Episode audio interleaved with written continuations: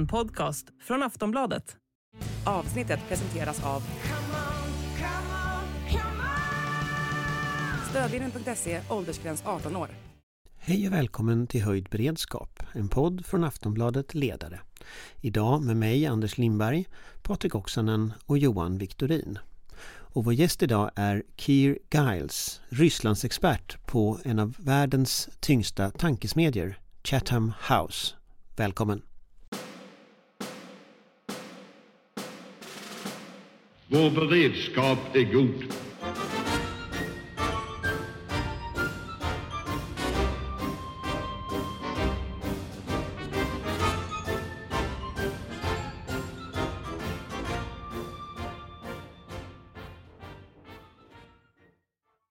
Okay, then we're back in our studio and and uh, with us from from London, I think it is.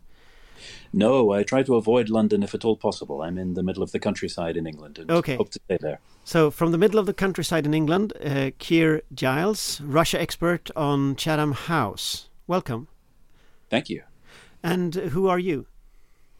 I'm a professional explainer of Russia. I've been watching Russia for several decades now, and over that period, I've formed a few conclusions about what Russia does and how it behaves, which means that I can deal with the problem that a lot of people think Russia is unpredictable. And if you formulate some basic conclusions about the rules by which Russia operates, it turns out that they're very predictable indeed. And so, unfortunately, over time, I've been quite right about predicting what they are going to do next, and that means that uh, the way I help uh, our local government here and international organizations like the EU and NATO is by trying to talk to them about what Russia wants, how it tries to get it, and what that means for us in Western liberal democracies.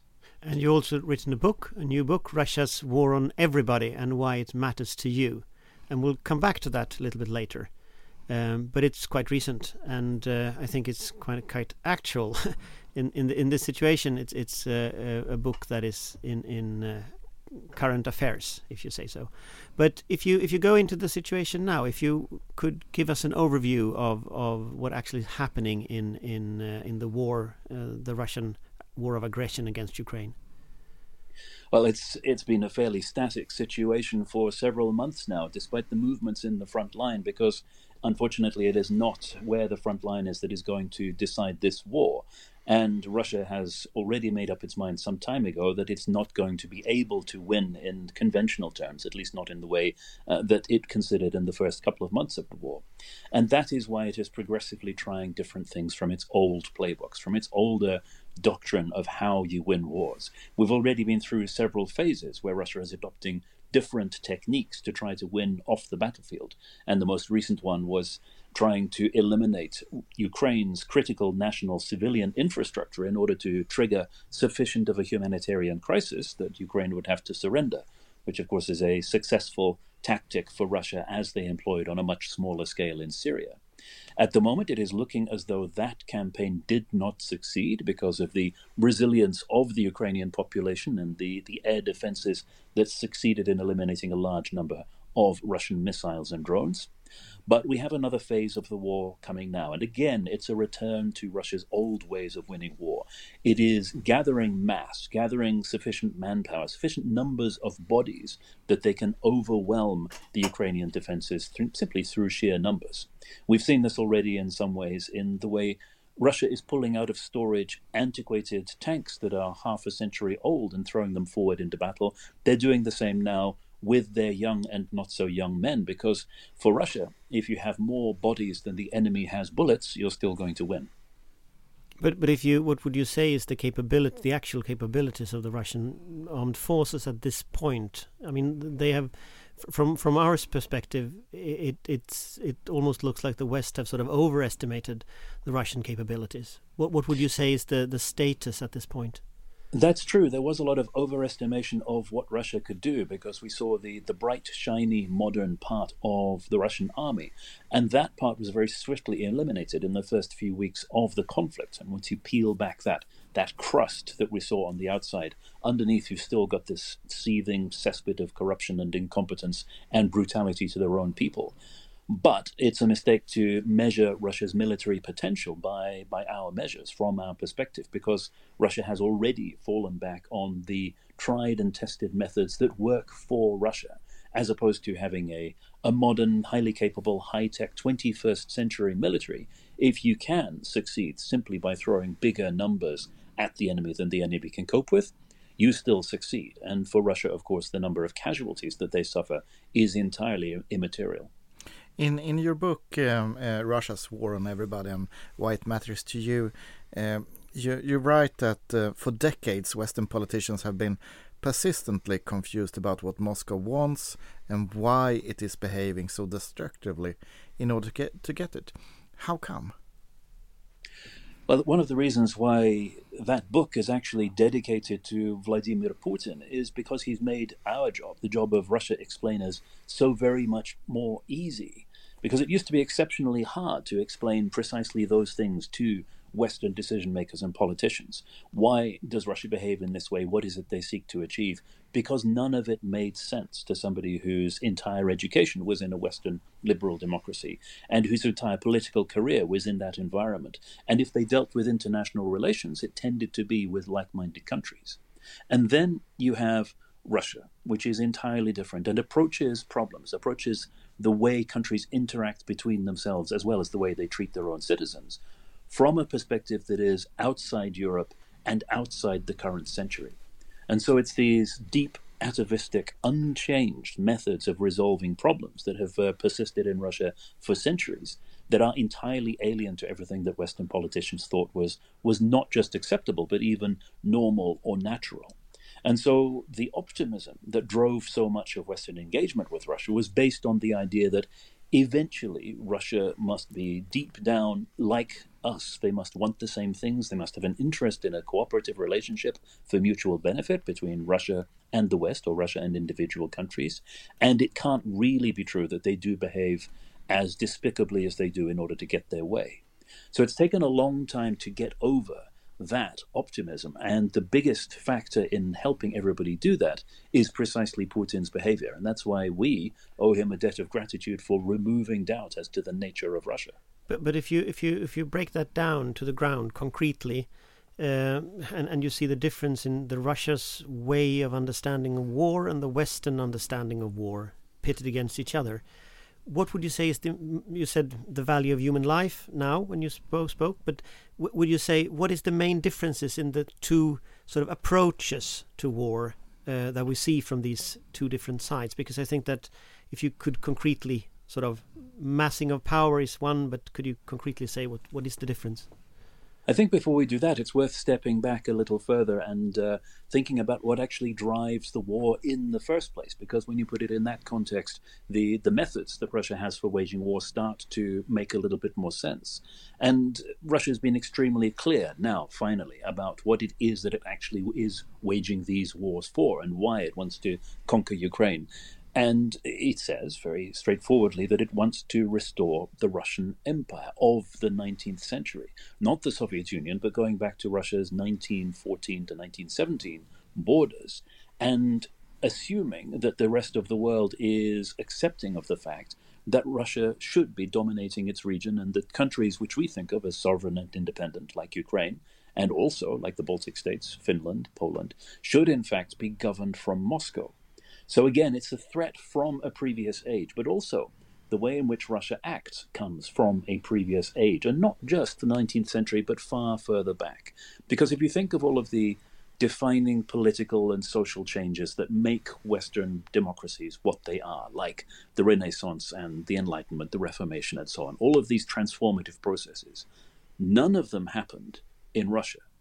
And so you have a political system that is effectively feudalism where the leadership of the country, the governance of the country, is indistinguishable from owning the country. And so it's ownership of assets rather than managing them that drives Russian uh, ministerial appointments, for example. And that approach transfers also into the military. Both the relationship between uh, the the armed forces and individual servicemen, which mirrors that between the Russian state and its human capital, where the individual does not have rights. They are owned by the state and can be disposed of by the state as they wish. So, in that respect, uh, in many ways, if you consider the, the underlying assumptions that are driving Russia's way of war, they are little changed since the threat from the Mongols, which, after all, is where so much of Russian political and societal uh, frameworks derive from. In in your book, you, you had to rewrite it because uh, the full scale attack on, on Ukraine in, in February, or at least parts of it. Um, how how important would you describe Ukraine for, for Putin and his imperial wishes and, and restoration of, of, of the Russian Empire? Well, I didn't have to completely rewrite it because a lot of the book, in fact, most of the book, is not so much about what is happening in Ukraine. It's the other war, the longer war, the, the covert war against the West as a whole. And Ukraine is just the most dramatic example of this confrontation between Russia and Europe that has been ongoing for far, far longer. Uh, so, in a way, it was just a case of going through the book and actually changing Russia might do this, Russia will do this, Russia is, is likely to do this, to Russia has already done this, and also confirming some of the, the predictions that were in the book about if it does come to war in Europe, there is no reason to suspect that Russia's armed forces won't behave in just as barbaric and savage a means as they have done previously in Chechnya, in Syria, wherever. But the second part of your question, why is Ukraine important? The status of Ukraine is absolutely fundamental to Russia's ideas of itself as a great power.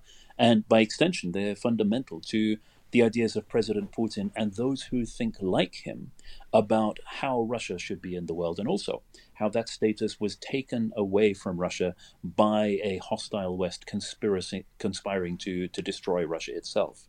So it's an absolutely essential first step towards that desired end state of Russia having an empire again, and Russia dominating all of those regions around it, which it thinks by rights ought to be Russia's territory in order to extend its power to push external threats that are largely imaginary further away.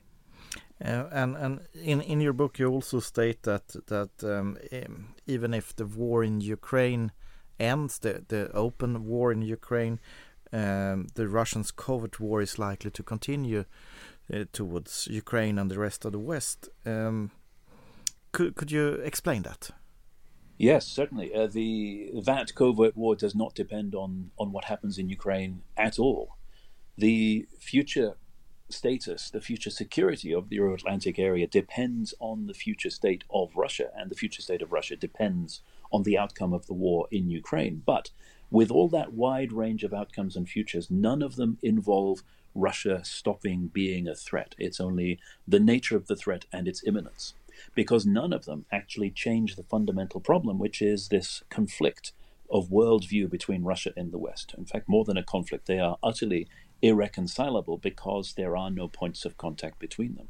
Because Russia is applying 19th century methods of statecraft in 21st century Europe, and the gap between them is impossible to bridge, so conflict is inevitable.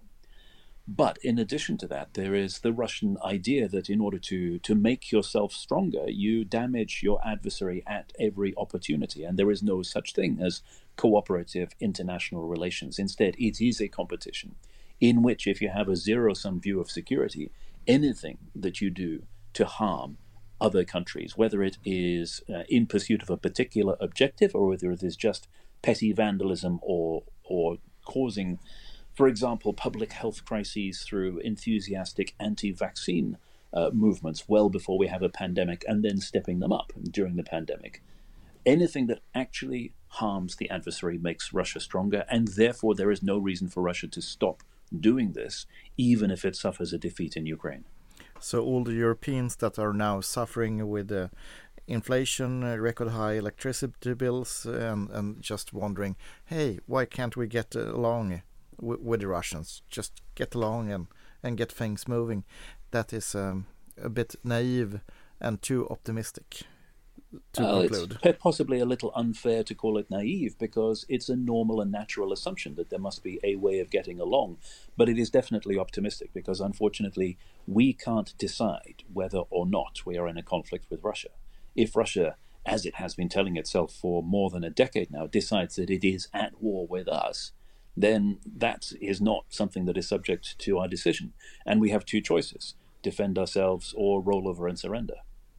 But but when you say that it's two worldviews that are sort of colliding here, how deep would you say in the Russian society that worldview is? Uh, is it the, the elite or or the the the the people in power? But but how how deep in society are these roots? Uh, would it you say? Seems, yes, it seems pretty clear that it is very deep rooted and it is long standing as well. There's always been this optimism that uh, generational change in Russia would change attitudes, but that optimism hasn't been borne out. There was possibly a brief opportunity for Russia to embark on a positive direction immediately after the end of the USSR, but it was brief and it did not work. And now, if you look at the attitudes of very young people in Russia, they are formed by a, a decade plus of hate filled propaganda against the West and uh, presenting this image of Russia as Russia would like it to be, as opposed to what the rest of the world thinks is, is normal and natural today. And also, they believe firmly in the myth of former Soviet greatness because they see the propaganda uh, in the form of the the movies, for example, from the old Soviet times, and there's nobody around to explain to them that this was a complete fiction and that the Soviet Union was indeed a grim and miserable place to live.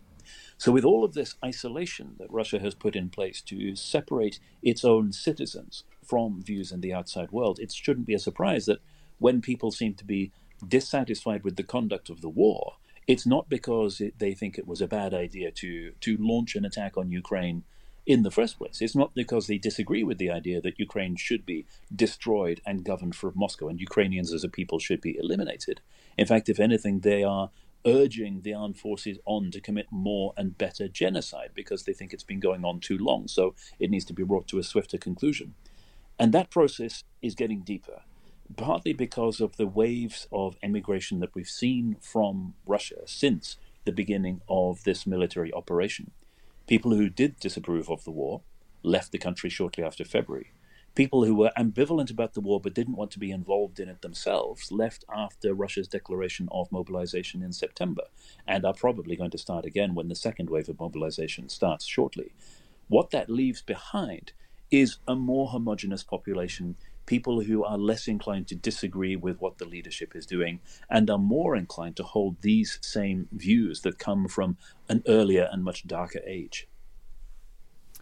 Uh, Keir, speaking about uh, zero sum game, I wonder there's a, a country uh, and a civilization with a foothold in the west, but it's an eastern country, Turkey, and uh, you can call them frenemies through the history. What is your view on on the Russian position uh, versus the Turks at the moment? Well, Turkey is a good example of how Russia and certain other countries are able to compartmentalize their disagreements and actually find ways of cooperating in those areas where they do have a mutual interest. And it's just unfortunate that that mutual interest doesn't always coincide with the rest of the, the NATO alliance. In fact, it was a uh, senior Russian um, diplomat having a frank conversation with us a few years before the uh, the latest invasion of Ukraine that um, was gloating over the fact that, uh, and I should explain, this was at a time when there was consideration over whether Turkey was a genuine NATO member, might it in fact leave NATO, uh, was gloating over the fact that, uh, as far as Russia is concerned, Turkey is a great deal more effective as a friend inside NATO than it would be outside, because it is in a position to block processes that would make NATO a more effective alliance. And this isn't the first time we've seen this, of course. It is uh, partner nations like Sweden, like Finland, like Austria, for example, have felt this effect before, where Turkey is able to slam the brakes on working with partners, for example, simply by refusing to cooperate with internal processes. And on a day to day level within NATO itself, uh, one of the one of the minor, you might think, elements that causes an enormous amount of additional bureaucracy and painstaking working around is Turkey's objections to references to certain incidents, to use of certain names, and so on, which requires extreme sensitivity when dealing with any mention of Turkey or its neighbors, in order that, again, you don't trigger one of these blocks on everything happening. So it is an enormous drag on the alliance as a whole and you have to question the whether the value of Turkey to NATO sometimes really outweighs the the enormous expense of having it inside. And that is an interesting reflection uh, in regard to, to Sweden and, and the current debate about uh, Sweden's accession to NATO together with Finland and, and Turkey blocking that uh, uh, and refusing to, to sign the ratification right now. I, I think one of the points that sometimes gets overlooked in the, the Swedish and Finnish debate about uh, actual membership of NATO and actual Article 5 is that incrementally it would not add a great deal more to their security because uh, partly because Article Five is not worth what it is uh, always um, described as being. It does not actually mean that everybody is going to come to your help if you're under attack, but also because now both countries are now so unarguably integrated into European security structures, not just the, the implicit ones, like the fact that it is inconceivable that they would not be assisted if they were under attack because they are part of the European community of nations, but also the ones that are actually written down on paper, like the, the Joint Expeditionary Force, which is that club of northern beer drinking nations that all feel the same way about external threats and would be able to provide assistance in the form of a kind of mini NATO, but one that's actually made up of real friends, i.e., not including Turkey. But but if we if we this is Turkey, it's, it's very important in, in the Swedish context, of course. But if we go back a little bit to, to, to Russia also, uh, and and your book and, and your theories because because if if you you said in the beginning that you you you sort of contribute with predictions um, we love predictions in in the media uh, what are your predictions at this point because if you listen to to the media bus in a way here we hear about drafts in Russia of 500,000 new troops we hear as you say about bringing old equipment forward that the actual defense industry, at least working to a certain extent in Russia and so on. W what could we expect now? Uh, we see this development with Belarus also. What could we expect in the coming weeks and months, in your yes. prediction? No, that's quite right. Unfortunately, uh, what we can expect in the coming weeks and months doesn't depend on Russia. We know what they want to do, and that is fairly straightforward. But what they will want to do will be influenced and channeled by what uh, Ukraine's Western supporters do, and that is far more unpredictable.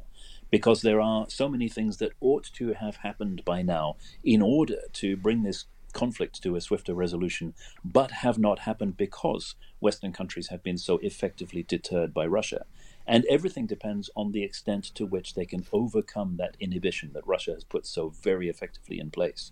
Uh, primarily, the uh, the nuclear nonsense, the nuclear rhetoric and intimidation, which has been so effective in holding back the United States and Germany, and to a lesser extent other countries, from providing the support that Ukraine needs and deserves in order to win this war.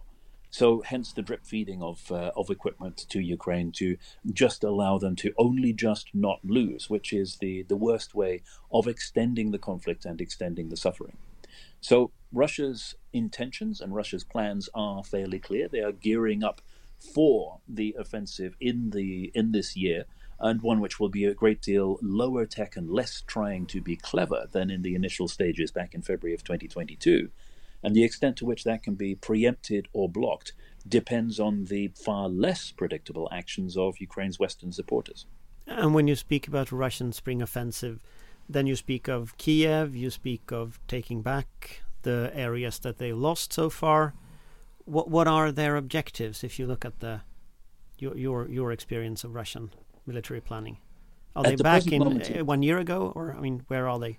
Not quite. Um, they, Russia would like us to think that there will be a northern offensive coming from Belarus, uh, but at the present moment, it doesn't look as though they are making serious preparations to do that. The the way in which the the presence of Russian forces in Belarus has been presented is probably intended simply to tie down Ukrainian forces to uh, to try and divert them from the eastern front, which is where the main effort appears to be coming.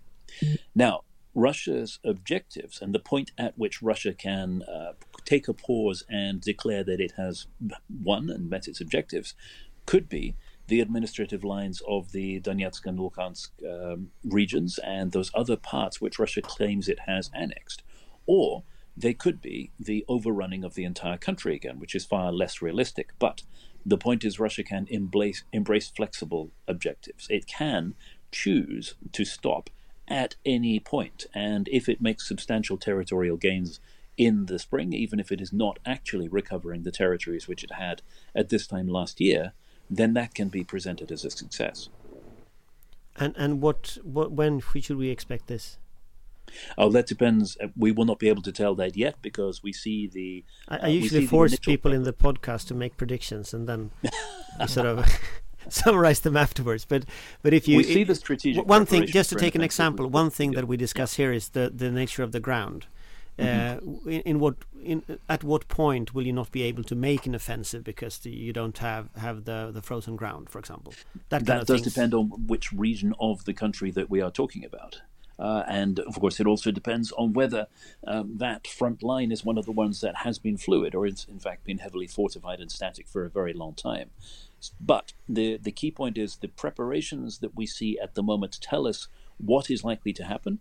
But because we only see the strategic effort towards it and we don't actually see the operational and tactical measures that they would need to prepare the offensive, we can't tell the fine detail of when it will happen or where the, the main effort will be. But that will come.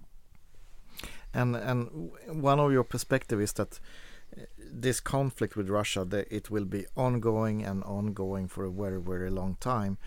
How do we uh, gear up in the West in order to, to deal with this without having a huge war? Without having a huge war. Uh, yes. A huger war than we see. yes. Um, there is an, an unfortunate message which uh, most Western leaders have so far failed to get across to their populations that there is no magic bullet for this. There is no quick and easy solution that because Russia is so determined to cause us all harm, the the way to deal with that is going to be difficult and it is going to be long and it is going to be expensive. And I think that is um, a, a leadership function which we haven't seen so far because at the present moment, uh, citizens in Western democracies are being allowed to believe that everything will be all right after this war is over, which of course is extremely unhelpful also from the point of view that it uh, inclines people to think that uh, Ukraine should end the war by by making concessions, as we've been hearing since the very early stages of the conflict. So, in order to prepare democracies for dealing with threats, because they cannot deal with threats that the most of the population isn't aware of, because they won't vote for dealing with them or vote for resourcing them or funding them. We have to have more key leader engagement actually dealing with that difficult task of giving bad news about how long this is going to last and how much it is going to cost.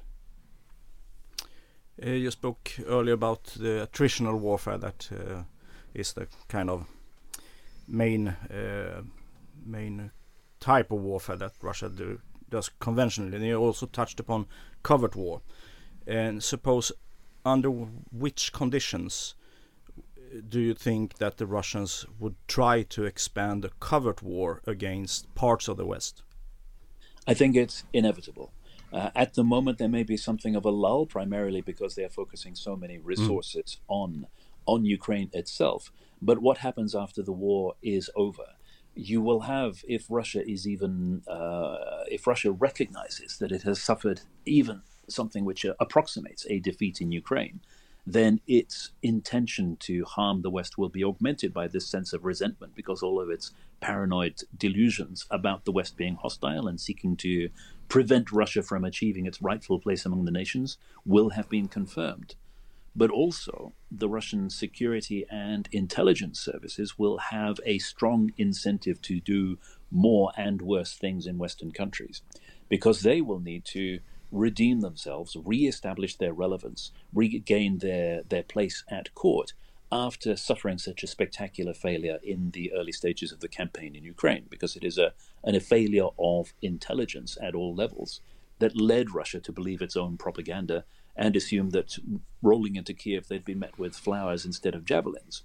Now, what that means, unfortunately, is that we can expect more and worse attacks, including spectaculars, in Western countries that sounds like a very depressing forecast.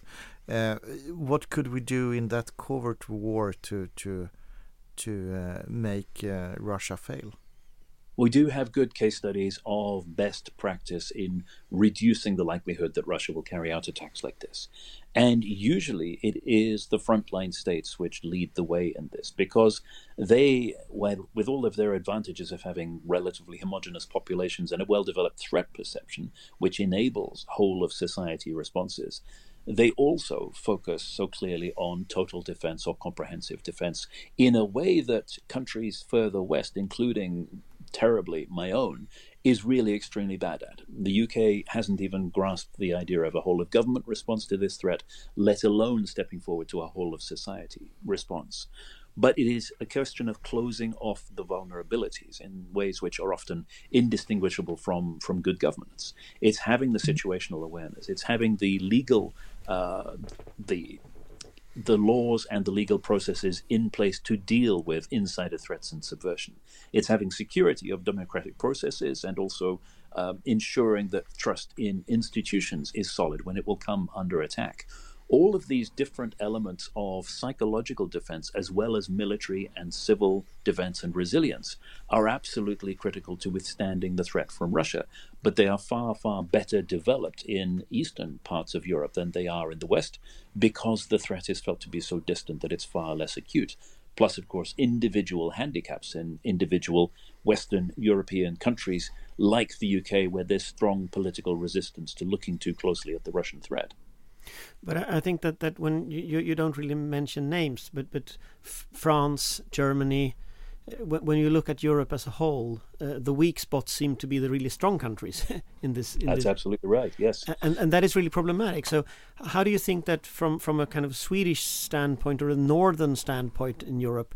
Um, is it any specific thing you think that we should do different from here, or or change the rhetoric or the argument? Sweden is, after all, uh, president of the European Union uh, this this spring, for example.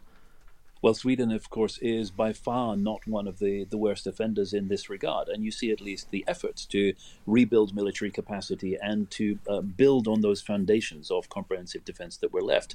And in that respect, that is streets ahead of Western European countries that are far too complacent, either because they, they deliberately ignore the threat uh, or because they think it is uh, at a sufficient distance that it does not concern them. But of course, so many of these threats are, um, for them, dif- distance is absolutely irrelevant. So Sweden doesn't suffer from, for example, from some of the, the self-inflicted injuries that countries like Germany do through their, their terror of actually doing anything proactive. France, through its hubris and its idea that there was a golden age of relations with Russia, and if only we could get back to it by being nice to Moscow, then everything would be fine. Uh, the UK by being in hoc to Russian money and therefore not wanting to to lift the stones to see what's lurking underneath them in terms of uh, subversive threats within our own society. There are so many different ways in which those stronger countries, so called, that you referred to, are actually their own worst enemy when it comes to dealing with this threat from Moscow. So, where are we one year from from uh, from now to conclude? One year from now, let us hope and pray that the war will be over with a resounding defeat for Russia, because that is the only thing that will ever change anything in Moscow. But that in turn is dependent on Western countries, the stronger ones, the ones that are in a position to lend significant support to Ukraine, getting over the fear that has been so successfully instilled in them by Moscow, and recognizing that winning this fight is actually vital to their own security in the long run. Thank you very much for being with us. Thank you. Vår beredskap är god.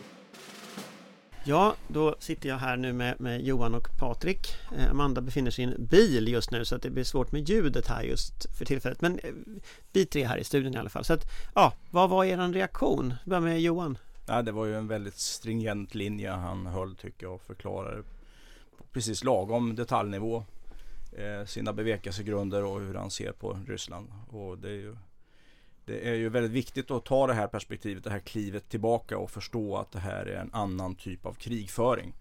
Eh, han refererade ju till mongolerna eh, och det är ju någonting som eh, USAs Moskva, dåvarande Moskva-ambassadör Kennan gjorde i det så kallade Long Telegram 1947. Eh, och beskrev hur Ryssland fungerar. Och den som läser det, man kan hitta det på nätet, det är inte sådär jättelångt, skaffar sig en väldigt bra baskunskap om hur det ryska politiska systemet faktiskt fungerar.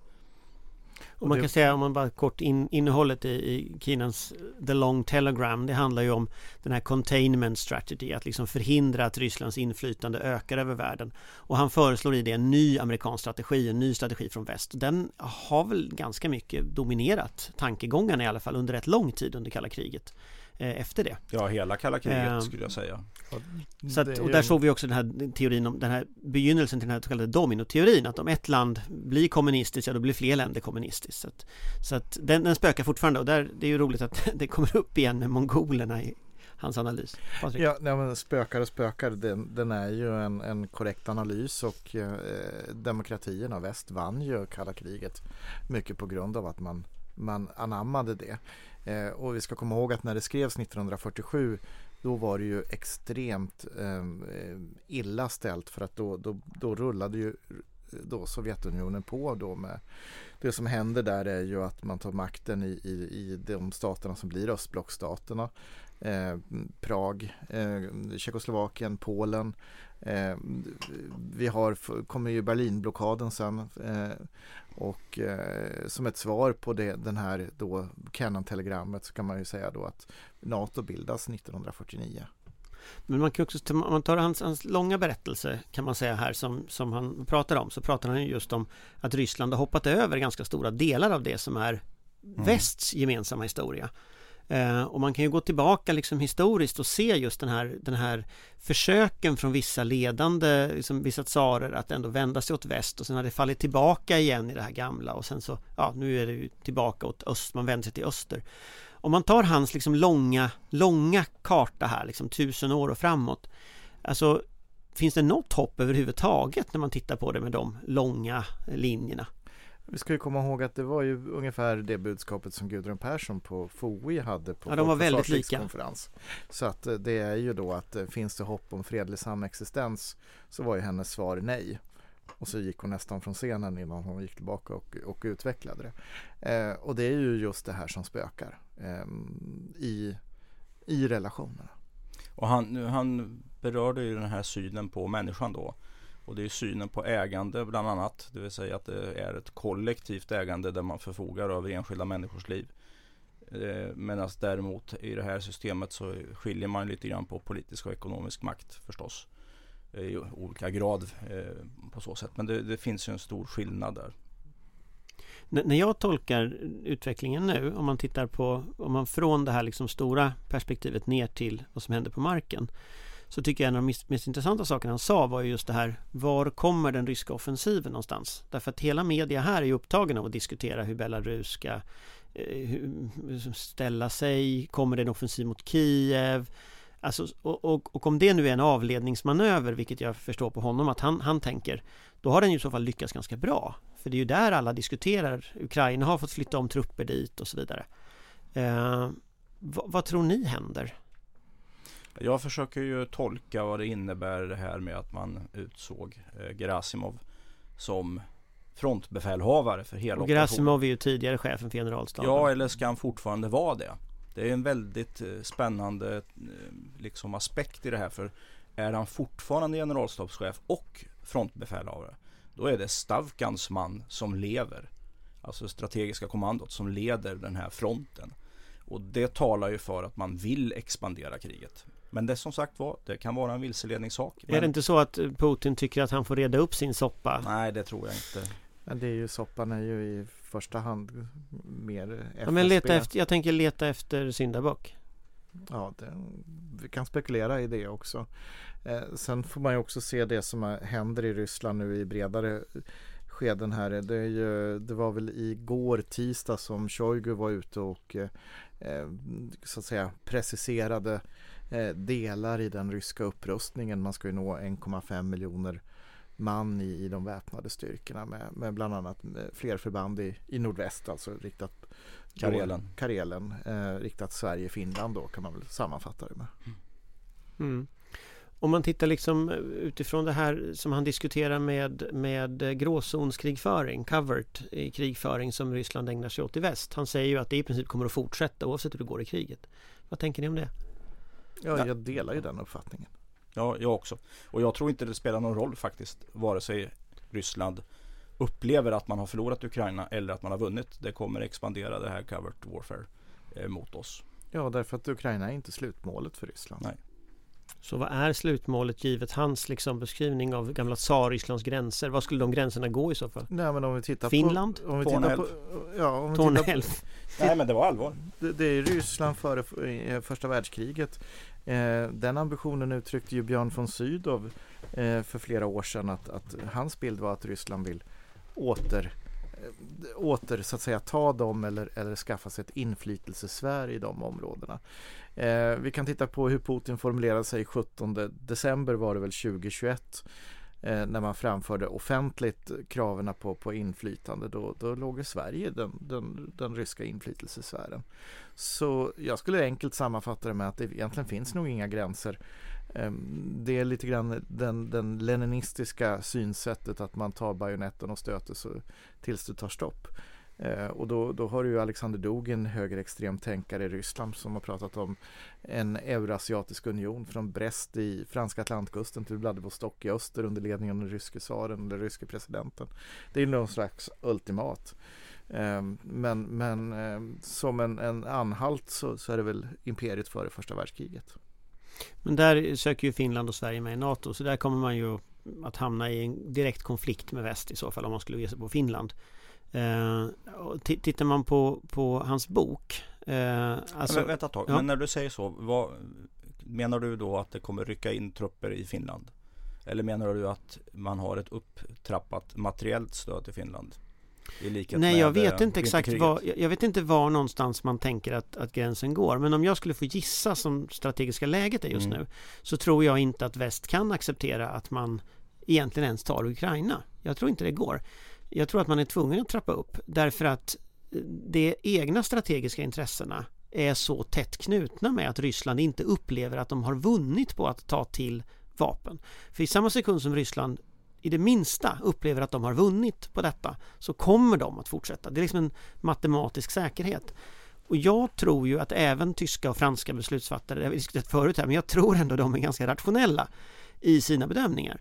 Eh, jag tror inte de kommer att släppa det här. Jag har svårt att tro att någon dessutom skulle kunna gå tillbaka eh, till den punkten man var 2014 och liksom tänka att ah, men det löser sig, bara vi släpper Putin så här långt så, så funkar det liksom inte. Så att jag har, väldigt, jag, har, jag har liksom rent politiskt svårt att tro det. Sen militärt är en annan sak, det vet, det vet du, det vet inte jag. Men, men rent liksom politiskt i Europa idag, så hårt som kommissionen har knutits kring det här projektet, så tror jag det är svårt faktiskt att liksom släppa, släppa Ryssland. Men det är liksom, det är en politisk uppfattning. Ja, alltså jag tyckte det var flera grejer som var väldigt intressanta det han sa när han då pratade om artikel 5 och liksom lite grann spelade ner den och menade egentligen på att vi implicit hade den eh, redan. Och det ligger ju i linje med, med det du säger här.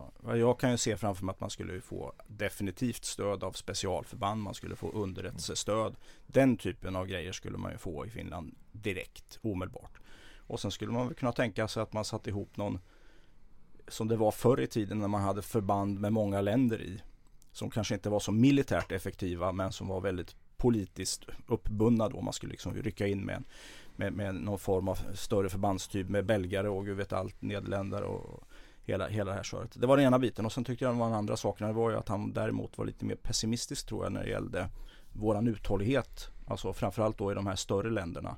Att verkligen koppla det här till vår långsiktiga säkerhet. Eh, har man verkligen det? Jag tyckte att han flaggade lite grann för det. Eh, och han kommer tillbaks flera gånger till att, och jag delar den uppfattningen, att det är ju liksom vad vi stoppar in i det här som bestämmer och influerar hur långt Ryssland kommer. Eh, och då är frågan hur långt den viljan sträcker sig. Fast om Det om det är som du säger att han spelar ner artikel 5 och du köper den tolkningen Då har vi ju en, ett dilemma i tolkningen av vad NATO-medlemskapet betyder Och då kanske vi hamnar i punkten att Jeff är viktigare Att det rent Absolut. operativa är viktigare Absolut. Och det har vi ju redan Mm, Så då absolut. behöver vi inte gå med i NATO, då har vi löst det Ja, det, det vet jag inte riktigt.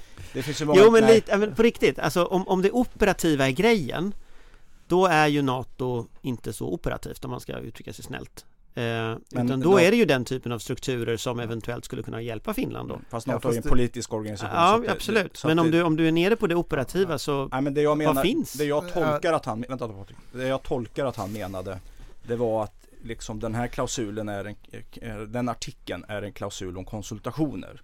Det finns liksom ingen automatik i att det helt plötsligt, för det beror helt och hållet på.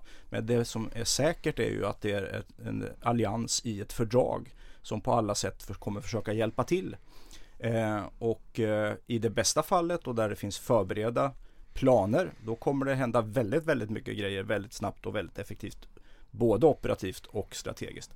Men i lite mer oklara lägen, exempelvis två länder som inte är fullvärdiga medlemmar, ja, då kommer det säkert också hända saker. Men ha, jag tolkar inte det som något negativt som han sa, utan mera egentligen att det går att göra saker i alla fall. Lite grann som Stoltenberg refererade i Sälen. Ja, och det, jag tycker att det där säger Johan egentligen nyckeln att, att det som gör NATO trovärdigt och effektivt eh, det är ju den planeringen. Det är ju, det är ju planeringen hur man då eh, försvarar eh, då Östersjöområdet och Baltikum, eh, Finland, Sverige när vi blir medlemmar. Den helheten som då jackar i. Att man vet vad man gör, man vet vad man håller på med eh, och inte behöver improvisera. Och så finns den politiska tyngden där. En för alla, alla för en. Men, men det är en intressant fråga vad en för alla, alla för en är värt med alla politiska förändringar hit och dit och i USA eventuellt och sådär. Det som vi vet finns är ju trots allt det som är planerat, övat, uppbyggt här. Och då är ju det finska försvaret och det svenska försvaret och den integrationen och möjligheterna kring integration kring Östersjön oaktat NATO kommer ju att bli helt centralt för hur långt kommer då ett eventuellt ryskt angrepp mot en baltisk stat till exempel rent fysiskt, hur långt kommer det? Och där undrar jag om man riktigt har förstått i den svenska debatten vad man pratar om egentligen. Och jag noterade i nyanserna på Folk och Försvar när liksom försvarsministern pratar om att vi ska ha svenska förband som ska rotera i Baltikum och så vidare. Och, och, och alltså jag undrar om man egentligen fattar vilken typ av nivå, alltså hur stora styrkor man behöver om man nu ska ha area denial, om man ska hindra liksom ryssarna från att ta sig dit. Och den debatten undrar jag liksom var den är någonstans, för det där är ju det är en jätte, jättestor förändring av liksom var, var kommer svenska soldater att finnas i framtiden liksom? Ja. Och hypotetiskt då för att följa det du säger här att Säg nu att de lyckas hyggligt med den här reformen. Kriget i Ukraina pågår och de kan ha en och en halv miljon man under vapen 2026. Eh, det är ett ganska kort anfallsdjup i de baltiska staterna så är man liksom beredd att gå all in då krävs det precis som du säger rätt så mycket förband för att liksom stå emot. Och nu pratar man ju om brigader istället för eh, brigadstrids, av stridsgrupper som väl var innan, bataljonsstrids, Bataljon. bataljonsstridsgrupper. Mm. Men brigader, då blir det väl tre då? Mot, jag vet inte vad har ryssarna? 50-60 som går att använda? Alltså det, det är liksom, vi pratar ju volymerna är ju sådana enorma skillnader I, I liksom. det som Shoigu då pratade om så var det väl ett, vad var det, två, tre divisioner. Ja, det var en armékår i Karelen vet jag. Ja. Men sen blir det något Det var motsvarande. väl fler armékår, var det inte det? Ja, det var armékår i Karelen. Då. Ja just Men det. sen var det ju förband eh, mot de baltiska staterna också. Så Mm. att det blir säkert fler armékår totalt. Och, och det gör ju att det finns ett numerärt eh, underläge även om man förstärker till brigader. Eh, så att eh, Sen är ju allt inte bara markstrid utan det finns ju andra nej, det är ju förmågor luft- som kan luft- verka och, och så vidare. Så att, Luft och sjö. Mm. Eh, Men om man tänker, om man tänker om man, om man eh, skippar liksom det rent militärstrategiska, mentalitetsmässigt Kommer folk att fatta att det är det här det handlar om när vi pratar om ett Ryssland som eventuellt vill fortsätta och återupprätta tsar-Ryssland då nu här? Jag Så. tror att de som har lyssnat på den här podden kontinuerligt borde ha börjat fatta det. Men eh, den svenska Vi politiska får översätta den debatten till tyska kanske då? är, är, är nog inte där. Och, och tyskarna, eller jag ska säga så här att, att, att åtminstone förbundskanslerkansliet eh, med Olaf Scholz har nog inte förstått det. Sajten vände till, till trots. jag tänkte på det här om dagen. Jag var ju så himla optimistisk när eh, Scholz uttalade Ja. sitt sajten. Men jag kommer ihåg att vi hade en podd om detta Ja. och jag var Ja. jätte Du var uppåt lyrisk. för detta. Ja, Och nu har jag ju tvingats konstatera att det är ju världens långsammaste sajtenvändning som sker här. Det går ju två år på ett år i praktiken. ja, minst. Blir det några Leopard? Ja, men kanske inte snabbt nog. Men vad tror ni? Alltså det finns ju faktiskt fungerande, de, de som, de, det skulle ta ett år att få laga dem som fanns i Tyskland Men Ja, men det ju- finns väl i Polen och det finns på andra ställen Vad tror ni? Ja, Leopard 1 och Leopard 2 det är ju två olika. De ettorna är ju äldre. Ehm, Det borde vara en no-brainer att få iväg Leopard 1 väldigt snabbt då, och Leopard 2 så snabbt det bara går. Men, men man ska ju ha en sån här konferens i Tyskland är det väl va? Mm. Ja, Eh, Rammstein-basen. Rammstein. I Då med, med en massa, massa länder. Så, No, men det är därför jag frågar, vad tror ni liksom? Och med en ny tysk försvarsminister dessutom. Då kanske Ja. det blir lite lättare för tyskarna att Ja. ändra sig. Ja, För eh, Scholz bekräftar ju att det skulle bli eh, Pistonius, va, tror jag. jag har sett det svepa förbi i flödet. Ordförande i Niedersachsen. Så att eh, det skulle ju kunna bli då. Men sen är ju frågan då, okej det kommer tre kompanier. Det är ju liksom inte, det var ju som han sa, det kommer inte avgöras i frontlinjen utan det avgörs liksom på strategisk nivå. Det här kriget. Så det är Mm. klart att det är viktigt och det är liksom ett ytterligare steg på vägen för ytterligare stöd. Så, så att ur, ur den aspekten är det ju naturligtvis ett viktigt bidrag. Men rent stridstekniskt är det ju inte av, alltså rent operationellt är det ju inte avgörande med tre kompanier Leoparder. Nej. Och det kan vi då också spegla mot hastigheten i, i, i Sverige när det gäller att bygga upp Försvarsmakten igen. Eh, och eh, vi har ju pratat många gånger om personalkrisen och, och att eh, det är liksom stora hål där och så vidare. Vi, vi skulle behöva göra mycket mer, mycket snabbare. Men, men, men det är lite det här jag menar med den politiska slutsatsen liksom. Det går inte att Ryssland vinner för att vi har inga Nej. resurser här att göra något i det läget. Så att vi har liksom inget val i den, i, den, i den dimensionen. Och det är det jag tänker att även Tyskland och Frankrike kommer att förstå. Mm. Men jag är en EU-entusiast så jag tänker att det är positivt att Europa klarar detta. Men alltså Vi har ju resurser, vi kan ju en massa saker. Det är ju bara att vi inte riktigt har bestämt oss. Vi får inte saker ur händerna. Vi har liksom inte fullföljt. Vi- Vi har eh, Det finns delar av eh, Delar av samhället representerat, kanaliserat via politiska partier tycker att det här är viktigt men det har liksom ändå inte riktigt trängt igenom. Det finns inte den här känslan av att det är akut. Det saknar jag fortfarande. Mm. Och då var ändå eh, Folk och Försvars rikskonferens i Sälen för första gången det kändes som att det var på, på riktigt, riktigt. Om man då jämför med hur det var före pandemin. Vi ska ju inte ta de två pandemiåren för att då var det inte konferensen, då var det ju bara digitalt och inte på plats i Sälen. Men, men ehm, det, det är liksom ändå, ändå finns det en tröghet även om insikten börjar sjunka in. Avslutningsvis en liten detaljfråga. När blev vi medlemmar i NATO?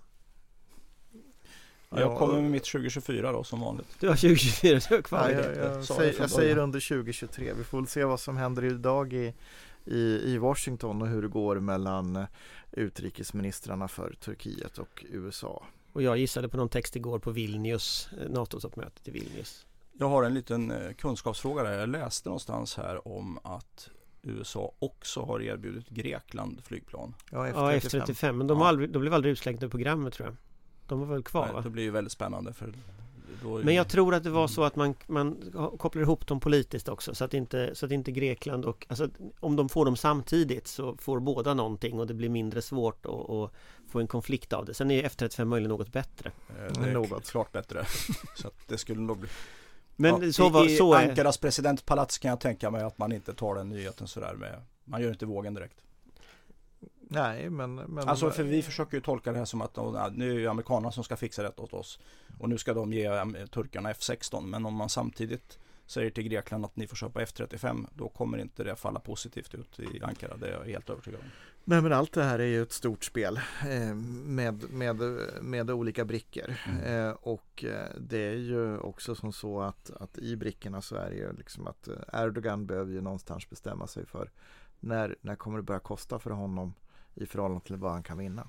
Det är där men, men om, inte, det svenska men medlemskapet om man ska avgörs. prata liksom geopolitik så är väl så att det finns ingen anledning för Erdogan att ge oss något medlemskap eh, förrän efter det turkiska valet och han behöver liksom förmodligen hantera relationen till USA innan dess också för den spelar roll i det här valet. Så att jag tänker att om man sitter på händerna och väntar till Vilnius i juli, nästa NATO-toppmöte, det är det bästa man kan göra. Alla saker man försöker göra tills dess kommer bara att sluta med att det går åt skogen. Mm. Så att det liksom, nu tar vi en strategisk time-out, tycker jag, till Vilnius. Eh, så regeringen inte gör några mer dumma uttalanden om någonting överhuvudtaget i de här Men frågorna. kan, kan vi inte bara säga att alla i Sverige ska sluta göra dumma uttalanden? Det tror jag är en hopplös idé. Ja, ja, det har aldrig inträffat tidigare. Nej, nej, men, men vi kan... Jag tänker att regeringen styr riket, så det är Ja. deras problem. Ja, men, men jag menar att vi har yttrandefrihet så att jag får ju säga det i alla fall, att man kan ju hoppas på det. Absolut. Ska du Men- vara med i Flammans eh, satirtävling då, Anders? Nej, jag ska inte vara med i Flammans satirtävling. Jag är mycket dålig på att teckna faktiskt. Eh, men jag, Apropå- jag, jag har noterat några som ska vara med där. Men eh, som sagt, alltså man får göra det. Man får vara mot NATO, man får rita teckningar. Eh, Absolut. sen, sen är det så, alltså det är ju ett problem att liksom de, det klart de som är mot NATO kommer att utnyttja de chanser de har. Och vi har just nu Sveriges, eller värld, vet du, det, Europas mest lättkränkta diktator på andra sidan bordet. Så att, ja, det är klart att det här kommer att utnyttja det liksom. Ja, ja. Så Det, att det, och det är en win. Det det kommer en bara win. att fortsätta. Ja men det är en win för Erdogan. Erdogan tackar och tar emot för varje sån här provokation eh, som han kommer att tolka det som och som, som eh, så att det, det är en win-win eh, och för de båda två där. Eh, tyvärr. Det liksom Men där en- är väl också dilemmat. samspel. Det här var ju en av orsakerna till att jag var skeptisk till NATO-medlemskap i alla år var ju att Turkiets liksom, medlemskap. Så det är inget konstigt att det är just det som strular till allting. Sen hade det varit kul om någon hade kommit på det innan vi sökte medlemskap och liksom att vi hade haft en bredare diskussion om det. Men nu är vi där vi är. Ja men vet var, ju, vi göra. var ju Turkiets förhandsbesked till Finland och till Sverige var positiva. Mm. Sen kunde vi kanske Det då dra slutsatsen att han, kommer, han ljuger och, och kommer att jävlas ändå bara för att han kan. Men, men så funkar inte Sverige och Finland utan vi, vi, vi, vi tror på vad folk säger när man säger att vi vill vara kompisar. Sen vaknar vi upp. Ja, precis. Nu sitter vi där vi sitter. Hörni, tack för idag. Eh, Ja. och så hoppas vi får vi se vems, eh, vems gissning om NATO-medlemskap som slår in här. Tack för oss. Hej hej! Vår beredskap är god.